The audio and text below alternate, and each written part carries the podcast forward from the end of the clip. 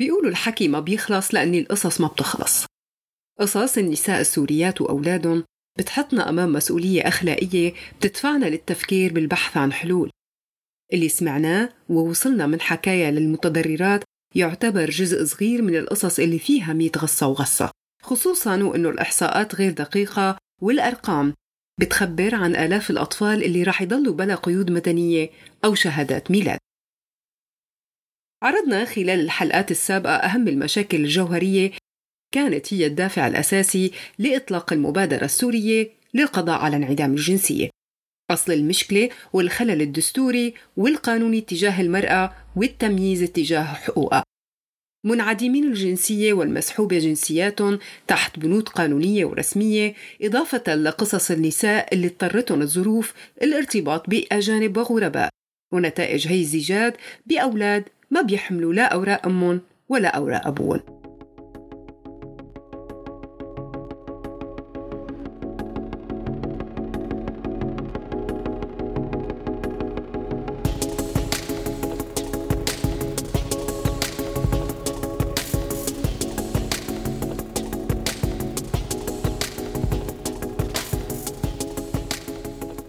رح كون معكم أنا سولا فلبابيدي من بودكاست بشر بلا أصوات.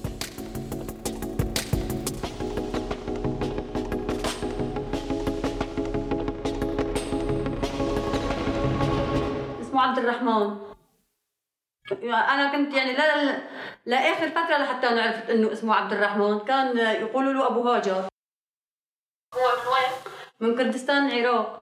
ما فينا نقول إنه لخصنا كل القضايا المطروحة واللي بتشمل انعكاسات هي المشكلة سلبيا على الأم وأولادها وبالتالي على المجتمع بالكامل. الغاية دايما بتكون أكبر من أي طرح لأن في أساسات لازم تنبنى عليها. مثل مثل أي نضال ممكن يغير المجتمع. بيبدأ من الحكي مرورا بخلق الجدل والنقاش ومن بعدها كم كبير من الرفض والاستهجان مرورا للاستماع والاقتناع والعمل على إيجاد الحل. ما فينا نقول إنه نحن لقينا حل حاسم ولا بنقدر نتكهن بالقدرة على سرعة التغيير لكن عم نحاول نشعل الشمعة بشناعة هذا الظلام. عم نحاول نستخدم الممكن لنكون صوت اللي ملهم صوت.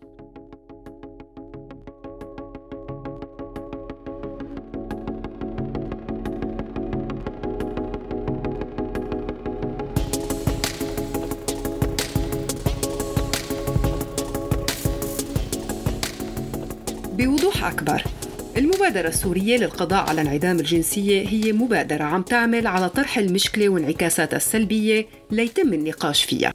من بعدها بيتم تنظيم مجموعة من الاقتراحات لإيجاد رؤية حل واضحة يمكن تنفيذها عبر مراحل زمنية. فينا نرجع لكلام الصحفية رشا الطبشي يوم إطلاق المبادرة. لنعرف الغاية من هاي المبادرة وكيفية إدارة الخطط المرحلية لتنفيذ خطوات موضوعية بتأدي لصنع تغيير فعلي وسلس بينقذ آلاف من الأطفال اللي هن راح يكونوا مستقبل هذا البلد. نستمع لرشا. بكذا مجال لازم نبلش نشتغل عليه. هلأ بشكل عام نحن بالمبادرة هلأ آه، رح نبدأ بخطوه آه، حملة المناصرة يلي رح تضم جلسات توعية بالداخل جلسات نقاش وحوار مع شركاء محتملين آه، من منظمات نسوية منظمات تعمل على حقوق الطفل آه، مراكز دراسات مراكز توثيق. أكثر من جهة لازم نبلش نحن حنبلش خلال الشهر الجاي نشتغل ونجتمع معهم لحتى نناقش شو الأساليب اللي بدنا أو شو الأدوات اللي بدنا نشتغل عليها مع بعض. فالمبادرة هلأ هي رح تفتح الباب للمشاركات من كل الجهات أو المنظمات والشبكات اللي هي مستعدة إنه هي تتبنى القضية معنا. هاي نقطة. النقطة الثانية كان في عنا ذكرت من شوي إنه نحن في عنا مشكلة بالتوثيق. نحن لهلأ ما في عنا أرقام. فالشيء اللي كتير مهم آه، لحتى نحن ندعم قضيتنا آه، سواء دوليا أو محليا إنه نحن نبلش نشتغل على توثيق الأعداد. فهي كمان خلال المرحلة الجاية رح نبلش نشتغل على آه، توثيق الأطفال والنساء المتضررات ونبني قاعدة بيانات تكون مشتركة وعامة لحتى أي جهة هي مستعدة إنه تتبنى معنا القضية تقدر تشتغل سواء على أبحاث أو على مساعدات أو على دعم نفسي أو حسب كل جهة شو اختصاصها يعني إنه تقدر تستفيد من هي قاعدة البيانات. دوليا آه كمان رح نحاول نتوجه أو رح نتوجه ولكن هي بمراحل حتجي لاحقا. آه رح نبدأ نشتغل على أنه نحن نعمل مثل لوبي خاص بدعم هي القضية يكون كل سيدة أو كل شخص رجل مهتم بهي القضية يكون آه، هو متحدث بمكانه آه، سواء بعمله أو بمجتمعه يكون عنده المعلومات الكاملة عن عن القضية ليقدر آه، أو لتقدر تطرح الموضوع بطريقة صح.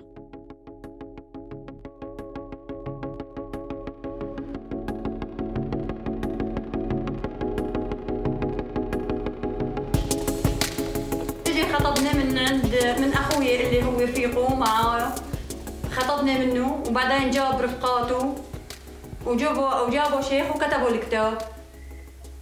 وجهزت هيك شوي من قريبه وقعدنا.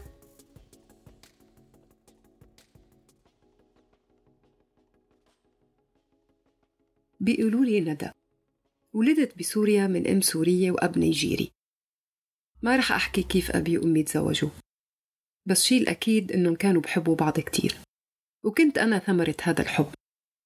لكن ما في شي بيكمل. عشت طول عمري بسوريا بس بحمل صفة أجنبية. كبرت وكبر معي هذا الهم. كنت دايما حاول أتجاوز نظرة التانيين إنه أنا غريبة ومالي من هالبلد. وإنه أنا ما عندي انتماء لسوريا. بس أنا ولدت على أراضية وما شفت غير سوريا. وبحكي لهجة سورية. وبعرف عادات سوريا وحافظة كل تفاصيلها. في فترة الدراسة الأساسية تجاوزنا مشكلة التعليم كون المدارس متاحة للكل. لكن بعد ما كبرت وتخرجت من معهد إعداد المعلمين كنت كتير فرحانة إني رح أشتغل بشغل بحبه ومقتنعة فيه. وهون بديت المشاكل تفاجأت إنه ما بحق لي أتوظف بشكل رسمي وكان هالشي كتير قاسي علي. وخصوصا لما رجعوا لي أوراقي أوراق طلب التوظيف بإشارة حمراء فيها رفض ومكتوب عليها مرفوض للأجانب. هون حسيت إني عشت أكثر من عشرين سنة بالفراغ عشرين سنة كذبة. وأنا مني فعلا من هالبلد ولا بعني لها بأي شكل من الأشكال. أما الطقمة الأكبر هي بعد ما قدمت على الوظيفة مو بس قوبلت بالرفض المضحك المبكي طولبت بالبدل عن السنوات اللي درستها لأني ما اشتغلت بالدولة حسب قانون العمل للموظفين المتخرجين جديد. واضطريت طبعا أدفع مبلغ كبير بدل التوظيف اللي كنت أحلم فيه.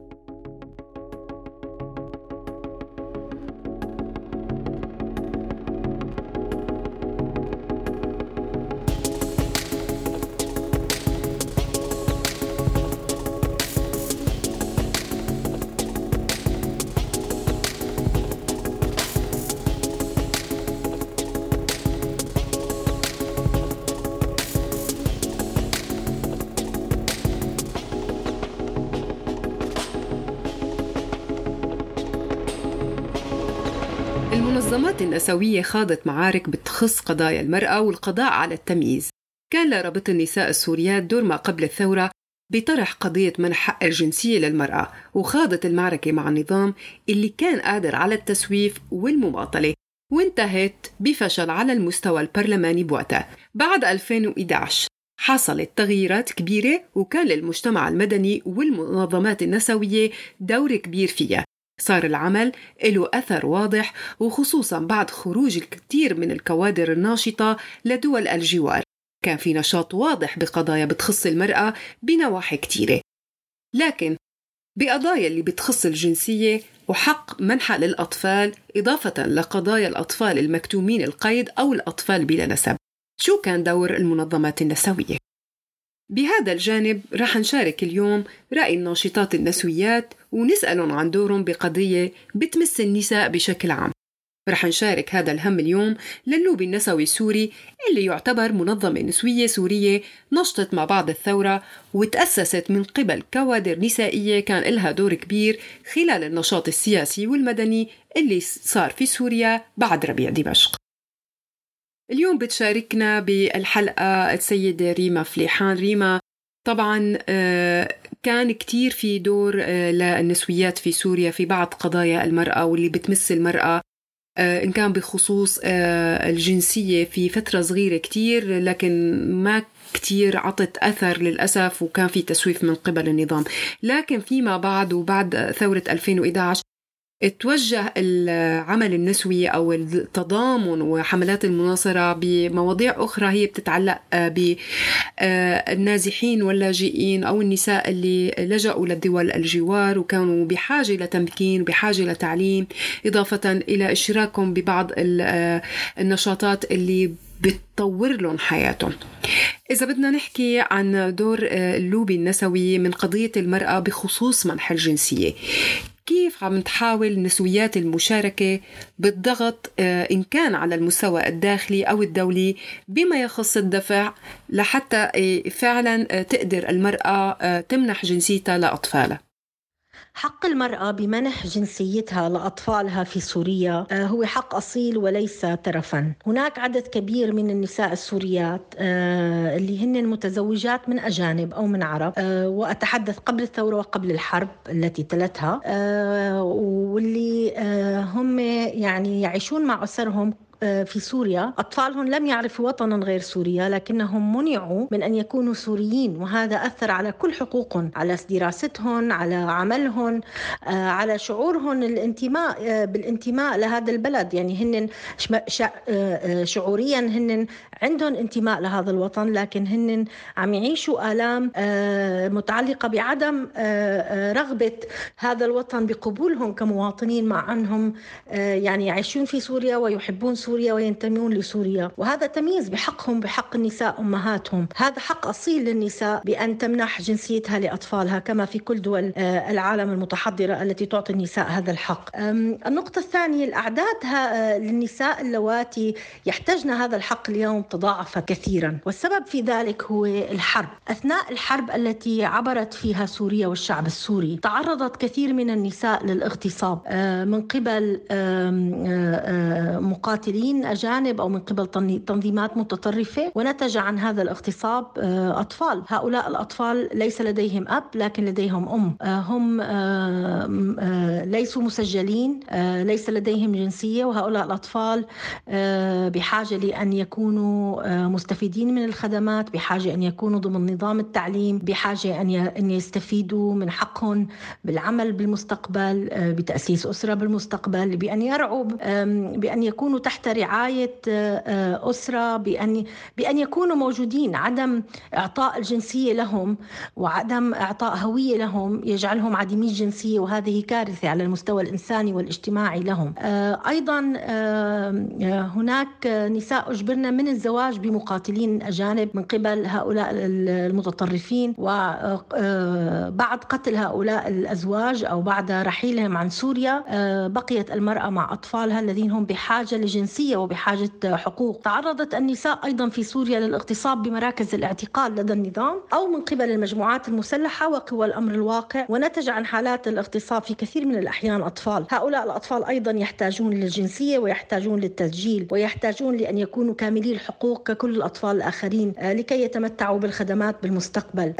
منح جنسية المرأة السورية لأبنائها هو حق آه، وهو ليس ترف. المطالبة به هو واجب ويجب أن يكون هناك تحرك تحرك حقيقي من من أجل تسوية أوضاع آه، الأطفال عديمي الجنسية، الأطفال الغير الموثقين، الولادات الغير موثقة ومنحهم الجنسية السورية ومن خلال آه، جنسية أمهاتهم آه، وأيضا أن يكون هناك رعاية لهم وأن يستفيدوا من كل الخدمات الممكنة.